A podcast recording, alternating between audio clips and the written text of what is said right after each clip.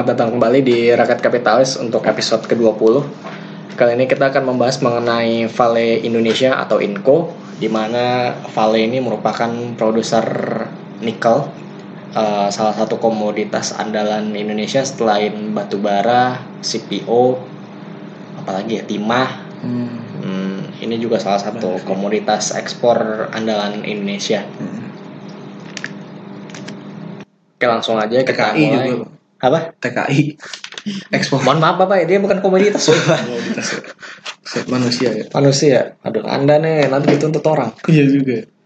Nah, langsung aja kita mulai untuk milestone dari Vale Indonesia ini. Vale Indonesia ini berdiri pada 1968. Bukan berdiri sih, dia apa? Penanda tanganan kontrak karya antara PT Inco dan pemerintah Indonesia untuk konsensi. Info ini berarti BUMN ya Pak? Bukan. Oh bukan ya? Inco ini bukan BUMN. Ini kayak semacam Swasta ya? Freeport ya. Kan punya kontrak karya, kakak. tahun 68 ini sih barang kayaknya sih hampir ini ya hampir barang setelah Freeport baru si Inco gitu In, Freeport kan tahun 67 ya setahu Tapi nggak dimiliki gua. asing.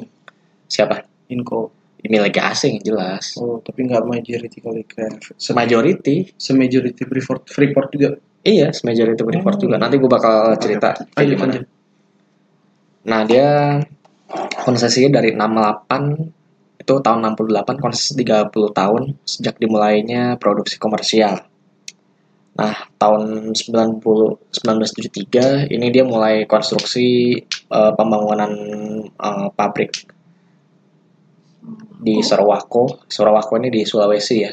Kemudian pada tahun 78 ini mulai eh, produksi komersialnya. Jadi Inco ini perusahaan yang udah cukup lama juga ada di Indonesia. Untuk produksinya ini mulai dari tahun 78 dan di tahun 88 ini menjual eh, 20% sahamnya ke SMM Sumitomo setahu Oh. gua.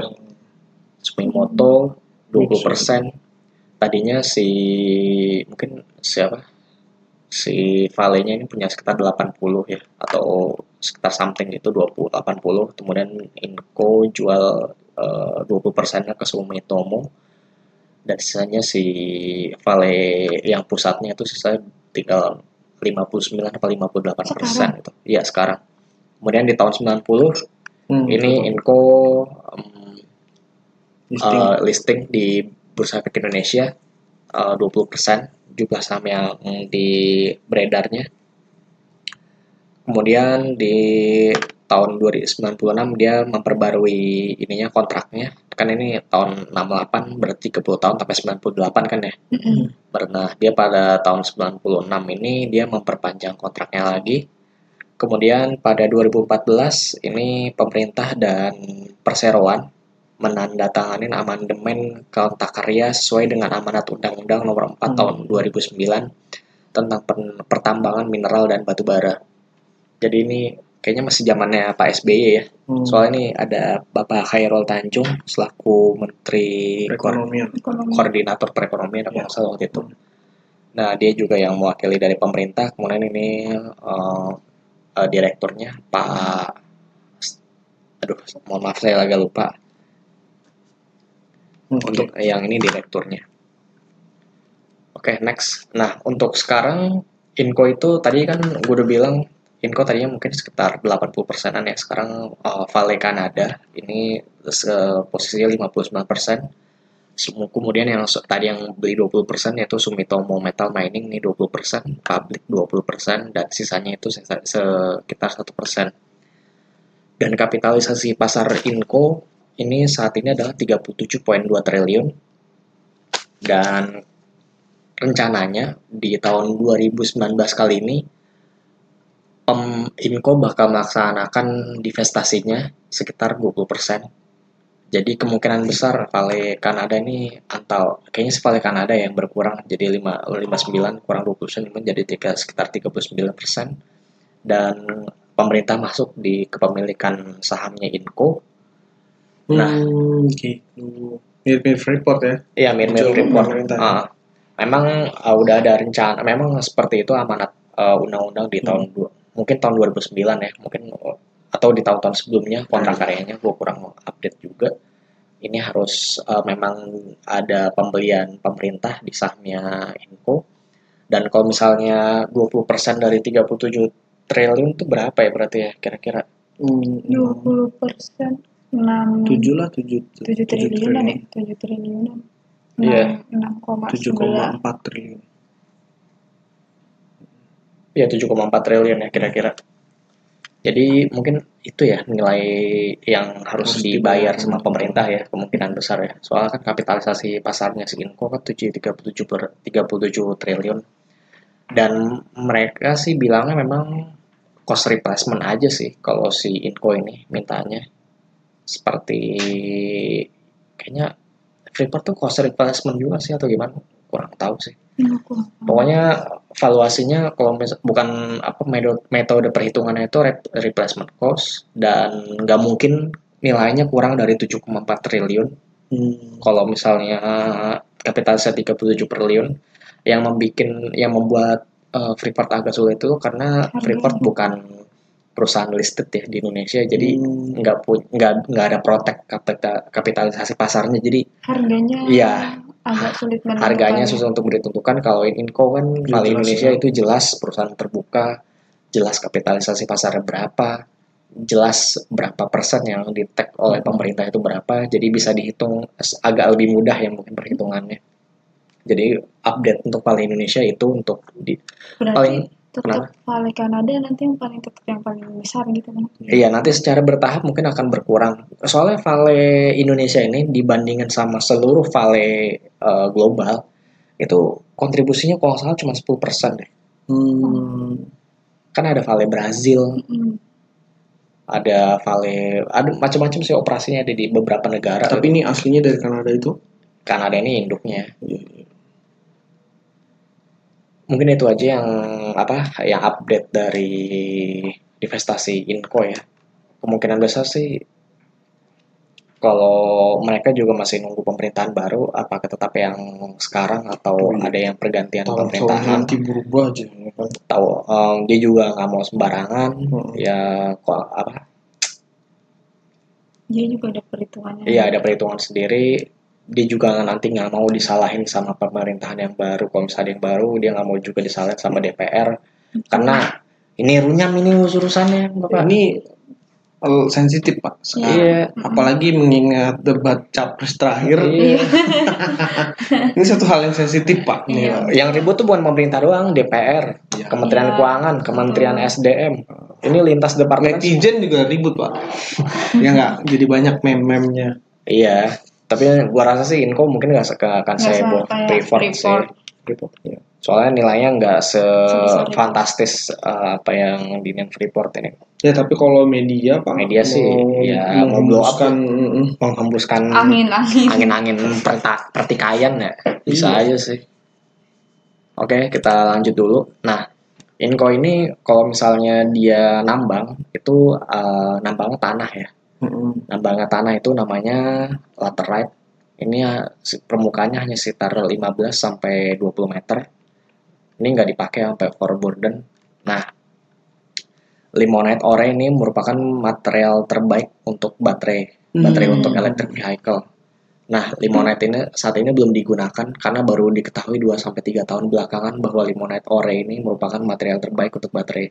Biasanya ini yang baterai handphone atau baterai Baterai- alkalin gitu baterai buat ini Banyak kan ya, electric vehicle segala macam. Nah, yang sebenarnya yang, sel- yang selama ini di asal diambil itu udah saprolite ore-nya. Hmm. Saprolite ore ini yang diambil di kedalaman mungkin sekitar 15 sampai 20 meter ya. Saprolite ore buat bahan bakar, eh bahan bakar, bahan baku baterai. Mm-mm. Ini yang diambil. Nah, berarti Ternyata dia yang berarti itu bisa dia kalau juga. nambah nggak dalam-dalam banget ya emang gak dalam. kayak sumur rumahan aja gitu Iya, nggak sedalam kayak apa sih? Kayak Freeport kan. Freeport kan Iya. sampai uh, sampai Sampai ke muka bikin sampai bikin Cekungan. Iya, gunung, terbalik kan. Kalau dia enggak. Dan 15 sampai 20 meter habis itu ditutup lagi selesai, direbuisasi selesai.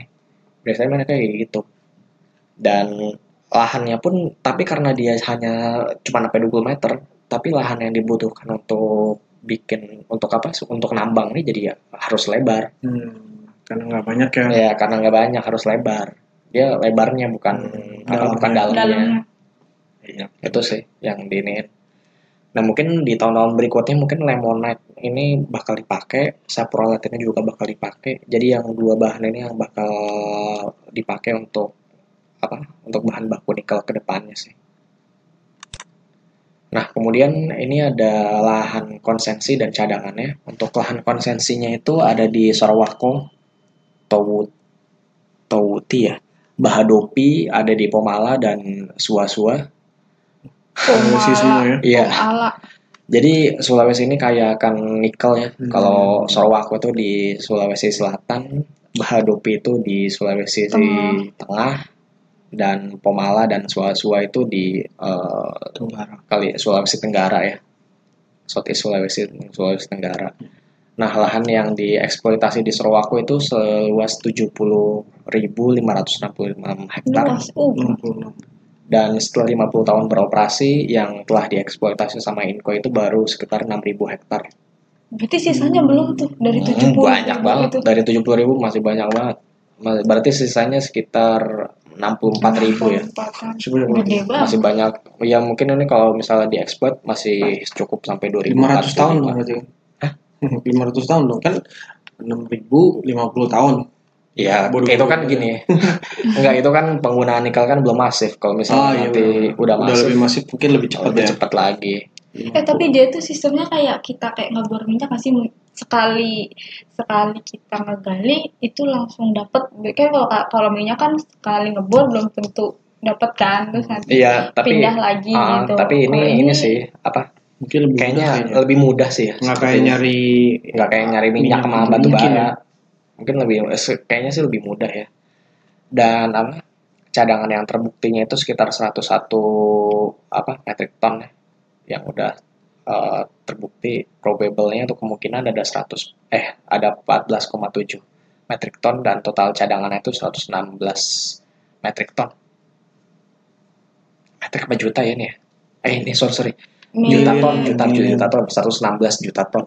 Jadi masih banyak banget. Million metric ton. ya miliar metric ton. Jadi masih banyak banget cadangannya.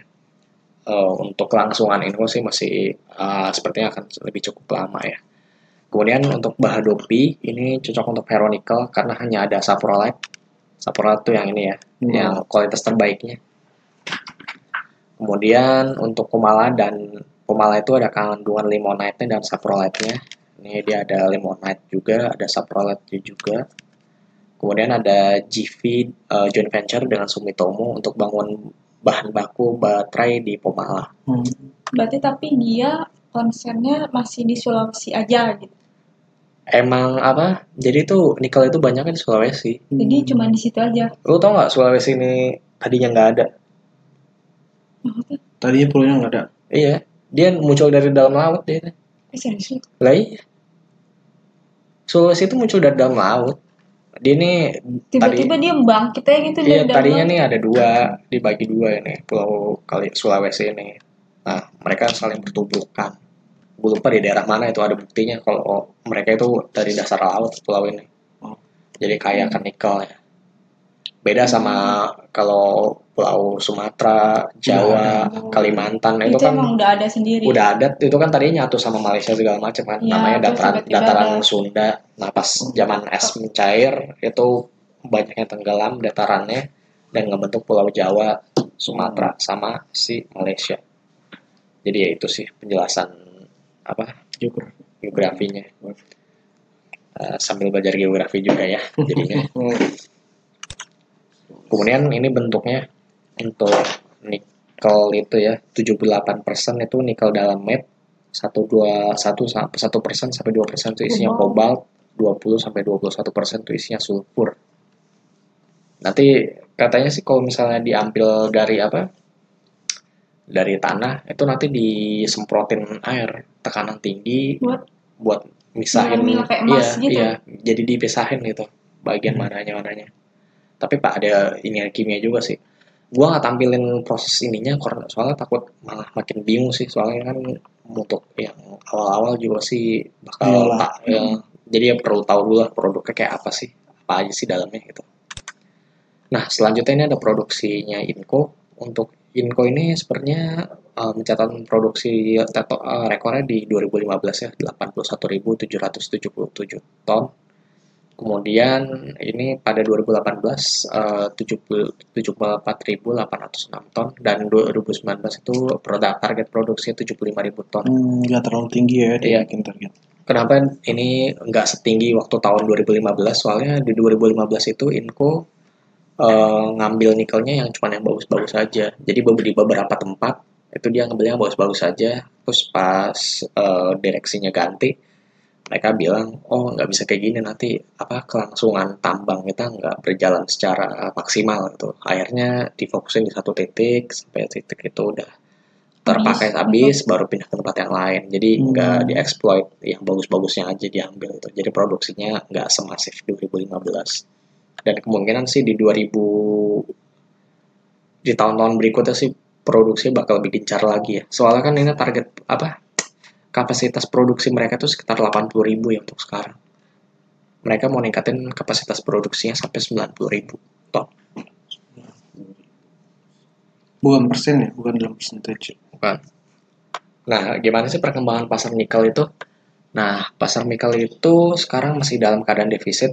Eh, di 2019 juga masih defisit. Inventorinya ini udah turun 223 kiloton sejak 2018.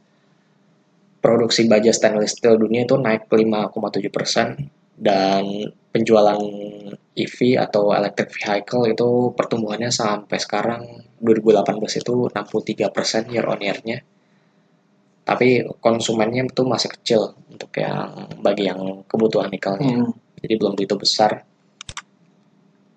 Nah, kalau kita lihat eh, perbandingan energi yang tersimpan di dalam nikel itu, kalau kita lihat ini ada nikel, kobalt, aluminium. Ini nikel, kobalt, aluminium ini cuma dipakai di Tesla. Ini hasil pengembangan dari Tesla sendiri. Jadi yang lain itu masih rata-rata pakainya nikel, kobalt, manga- manganese. Itu yang dipakai eh, 811 ya kodenya. Nah ini 811 nih. Kode 811 itu jadi dia bisa eh, produksi production, production cost of baterainya itu bisa kurang sampai 40%. Jadi penggunaan nikel yang lebih banyak bakal mempercapai mempercepat pencapaian economic of scale-nya. Jadi penggunaan nikel yang lebih banyak tuh sebenarnya bisa bikin hal apa harga si baterainya itu lebih murah. Hmm. Nah, mobil yang sebelum menggunakan nikel itu jarak tempuhnya 100 sampai 150 km sekali charge. Nah, kalau mobil yang udah pakai nikel itu sekali jarak tempuhnya itu up to 500 km sekali charge. Berarti Hmm. eh, sebelumnya penggunaan nikel di baterai itu belum sebanyak belum Sebanyak itu. sekarang. Nah, kalau untuk charging sih memang masih isunya mereka ya. Sekarang kan Hmm. eh, charging yang paling cepat itu 3 jam langsung penuh mobil. mm, mobil.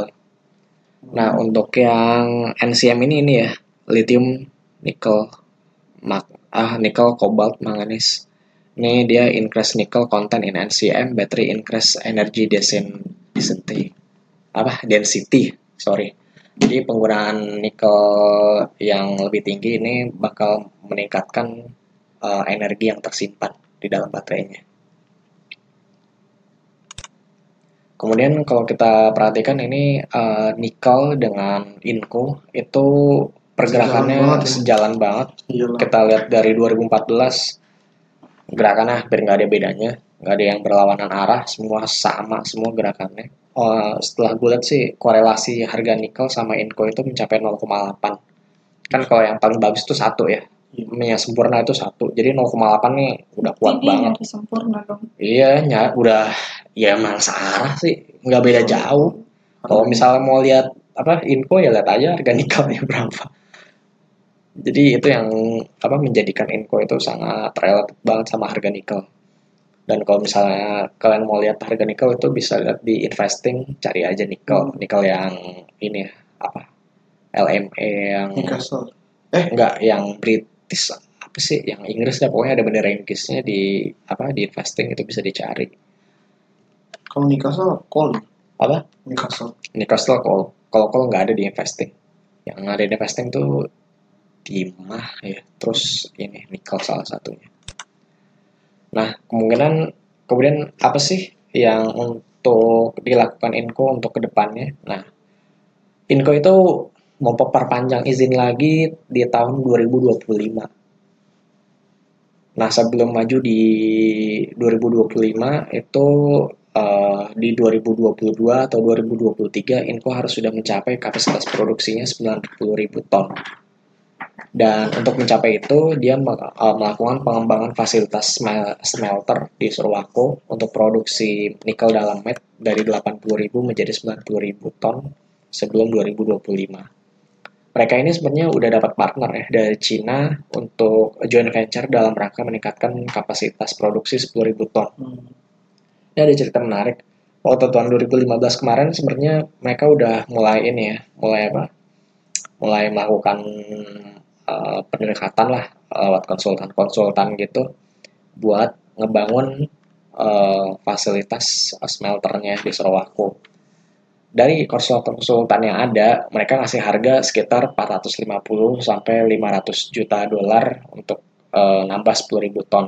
Berarti kosnya sekitar 45.000 sampai 50.000 e, dolar per tonnya. Dan waktu itu sebenarnya hampir mau jadi, cuman karena harga waktu harga nikelnya turun, jadi mereka nunda.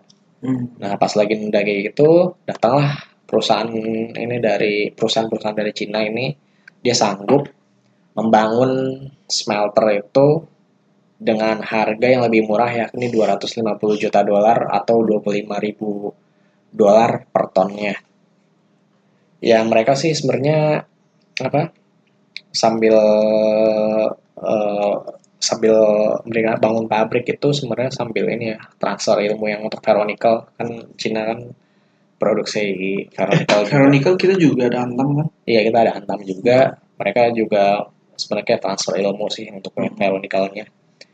Nah, uh, ini kemungkinan akan desain kontrak pada akhir Februari atau awal Maret 2019 dan akan diumumkan ke publik ini awal April atau satu uh, first quarter 2018. Jadi pengumumannya bakal dilakukan dalam waktu dekat antara Maret kalau enggak April ya. Kemudian untuk pengembangannya ini ditargetkan selesai pada 2022. Hmm. Jadi pendapatannya Inco kalau ini misal kapasitas produksi ditingkatin dan dan dia memang berusaha untuk meningkatkan kapasitas produksinya. Terus harga nikel itu stabil di sekarang sekitar 13.000 ya, 12.000 sampai 13.000. Dan sebenarnya sih kalau misal harga nikelnya nggak terlalu naiknya nggak terlalu gila-gilaan, itu bagus sebenarnya. Batasnya si electric vehicle itu sekitar 20.000 dolar ya per apa sih? Gue lupa satuannya apa. 20 ribu dolar sekarang 13 ribu dolar. Jadi kalau misalnya masih 13 ribu dolar tampaknya uh, produsen electric vehicle tuh masih convert ya. Asal jangan di atas 20 ribu.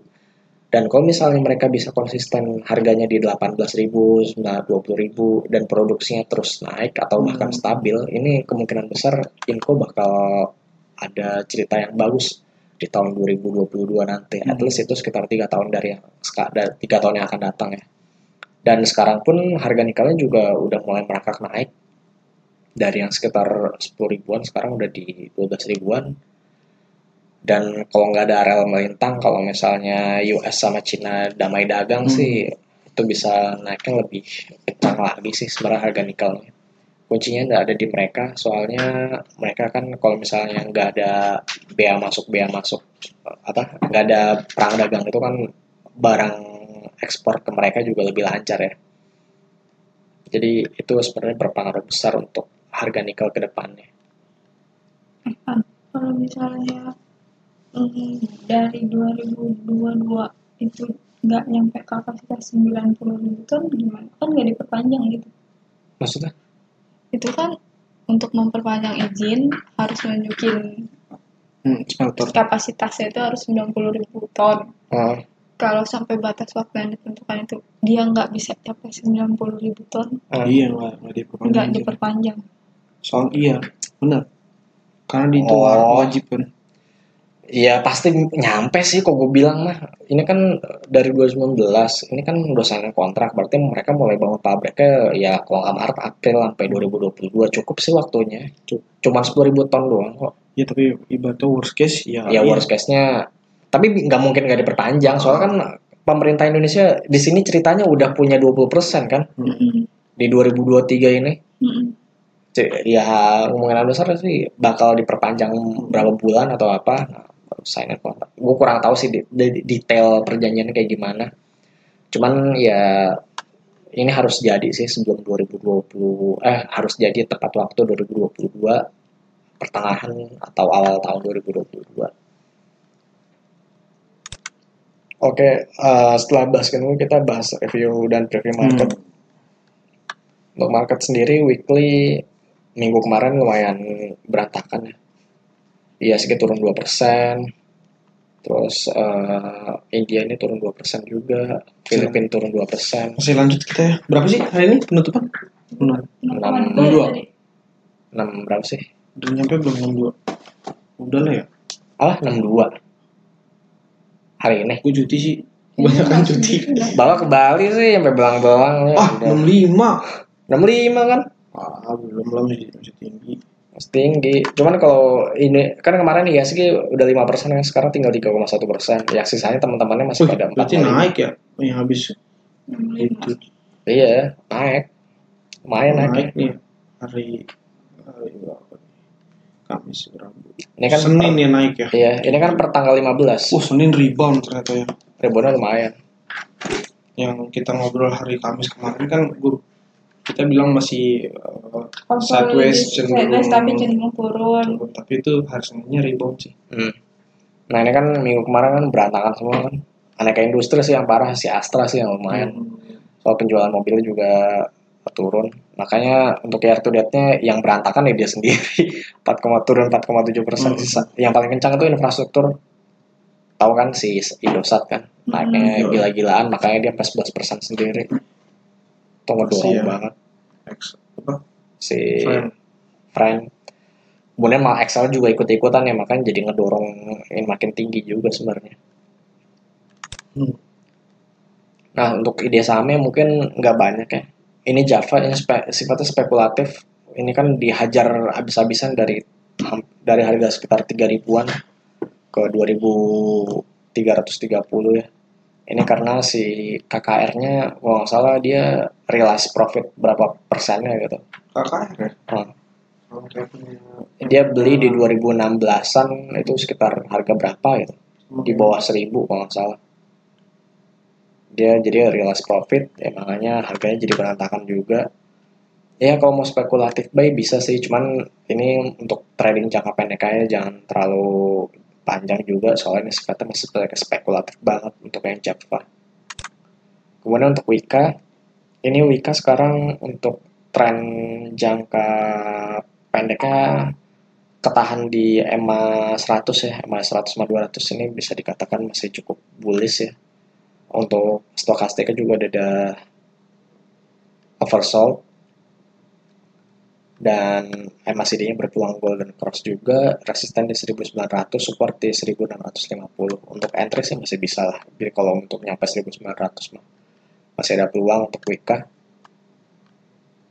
dan untuk tren jangka menengah juga masih bullish untuk sementara. Selanjutnya kita bahas mengenai ISG ISG masih ketahan di 6555 supportnya di 6400an dan nggak tahu sih ini besok bakal tembus 6.500an atau malah turun lagi ke 6.400an kalau balik lagi ke 6.400an ya berantakan lah semuanya. Cerita yang tadi. Atau kalau misalnya breakout ya ini sebenarnya cukup bagus sih. Tapi kan faktor yang buat ISG bisa tumbuh lebih tinggi lagi kan sekarang. Belum ada. Apa ya paling ini ya. Laporan keuangan. Eh, eh, laporan keuangan Laporan menunggu full laporan year. keuangan full year Hmm. terus apa the Fed juga dovish nggak jadi naikin Be- ya, tingkat suku bunganya. Tingkat suku bunga kita juga tetap. Tetap inflasi di US juga udah turun banget sekarang 1,6 persen doang inflasinya. Jadi ya mereka nggak ada alasan untuk naikin tingkat suku bunga lagi. Ya, jadi untuk sekarang sih ISG masih dalam keadaan yang cukup comfort ya, dan asing juga masih eh, masuk lagi. Gue lupa dan asing kemarin masuk berapa. Kayak masih ada inflow lagi sih setelah sempat keluar minggu kemarin. Ya untuk ISG minggu depan gimana nih? Ada pendapat nggak? Emang ada kemungkinan koreksi yang cukup lumayan sih, cuman kita kemarin juga salah ya prediksi ya. Iya. ya kan kita juga bukan dukun pak yang harus tahu Iya kalau misalnya kita lihat aja nanti ya hari Kamis, hari Jumat besok, Besok Jumat. kayak gimana? Apa lima enam ribu lima ratusan ditembus atau enggak? Kalau misalnya turun dulu ya. kalau misalnya turun ya balik lagi ke 64 kalau misalnya tembus ke mungkin ke 66 dulu ya Hmm. ada skenario nya sih paling itu aja untuk jangka penengahnya masih bullish untuk jangka pendeknya juga masih bullish ini masih di atas MA 200 150 bahkan di atas MA 20 nya jadi ini ESG masih sangat bullish untuk sekarang Ya mungkin kemarin koreksi sehat lah ya. iya itu koreksi Hmm. sehat sebenarnya itu wajar ya di antara eh, apa di antara tren bullish kan pasti ada Iya. koreksi Malah kalau nggak koreksi malah malah itu lebih berbahaya ngeri lagi. Kalau nggak ada koreksi itu lebih berbahaya lagi sebenarnya. Dan bagus ini ada koreksi. Oh ya, un, Subscribe. oh ya, jangan lupa untuk subscribe dan like, komen di akun YouTube channel kita di Rakyat Kapitalis. Kalau ada pertanyaan juga bisa dikirim di Twitter kita di eh, Rakyat Kapitalis, email kita di rakyatkapitalis@gmail.com. Jangan lupa dengerin podcast Podcast. kita di Spotify di Rakyat Kapitalis. Kita akan berjumpa kembali di minggu depan. Eh, terus saksi apa tetap terus keep watching Rakyat Kapitalis karena kita akan banyak info-info yang menarik untuk ke depannya. yoi. Eh, terima kasih dan selamat malam. Ya ketahuan loh kita malam-malam.